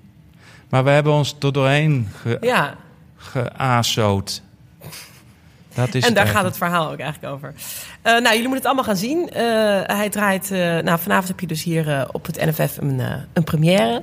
En daarna eh, kun je hem eh, vanaf volgende week of vanaf deze week al? Vanaf wanneer kun je hem zien? Wanneer komt hij uit eigenlijk? In de bioscoop eind van de maand. Eind van de maand. 31 oktober. Maar voor die tijd, hier op het festival, draait hij vier keer. En hij draait op het Parool Amsterdam Filmfestival. Het Half- PAF. Ja. Famous PAF, ja. En hij draait op het Leids Studentenfestival. En hij draait in Gouda. eh, in een bioscoop. Allemaal al eerder deze maand. Nou, dus je kan hem eigenlijk. maar We hebben overal premières. Overal premières en eh, eh, heerlijk voor eh, herfstvakanties. En, En daarna draait hij door het hele land. Ja, In de maand november kan je hem in het hele land zien. Leuk. Eh, te gek, iedereen moet het gaan zien, zou ik zeggen. Ik dank jou wel voor Ja. jouw hele prettige interview. Leuk, En ik dank, dank je wel. eh, alle jonge mensen hier in de zaal voor jullie eh, aandacht en interesse. Ja, te gek jongens. Ehm, Oké, nou, dit, eh, eh, dit was het. Dus inderdaad, ik vind het leuk dat jij mij bedankt. Ik wil jou bedanken natuurlijk voor, Graag dit, eh, gedaan. voor dit gesprek. En ehm, veel geluk vanavond. Ik hoop dat er lekker goed, ja, van die lekkere schrikgeluiden en zo komen. Ja, maar deze film doet het heel goed in vertoningen met het publiek. Dat, Ja, daar ben maar ik ik van was overtuigd. ook, ja, het zweethandjes hoor, zweethandjes. Zeker. Ehm, Omdat hij heel veel reacties meteen Ja. geeft. ja, Lachen en schrikken. En ook zo van, nee, doe nou niet. Ja. niet doen, kijk, het is er wel een kijk, pas op, kijk achter je film. Ja, totaal, totaal. Ehm, dank ook eh, mijn producer, Volkert Koehoorn. Daar zit hij. Dank Ja, dankjewel voor de techniek. En eh, dank aan Dag en Nacht Media en het Filmfestival... voordat we hier eh, in de winkel van Sinkel... dank voor de winkel van Sinkel, dat we hier mochten zijn. Voor alle vragen en opmerkingen kan je me vinden op Twitter... Anna underscore drijver. En op de Facebookpagina van Camera Loopt of op Instagram. En dankjewel ehm eh voor het luisteren van de podcast. En eh, je kan altijd, altijd delen en een recensie schrijven... want dan kunnen andere mensen het ook weer makkelijker vinden... op de podcast-apps waar je dan ook luistert. Eh, ik ga er binnenkort even uit voor een verlofbreak. Dat, dat moet ook gebeuren. Dus, Dat is je van harte gegund. Dankjewel. Ja, dus ik, ben, ik weet niet precies wanneer ik weer, weer terug ben. Ehm, maar luister vooral nog oude afleveringen terug. Als je het nog niet hebt geluisterd, dan kun je, weer, dan kan je het nog eventjes terugluisteren. En ehm, dan ben ik, ja, ben ik er binnenkort weer terug. Dank jullie wel en tot snel. En we zijn gestopt.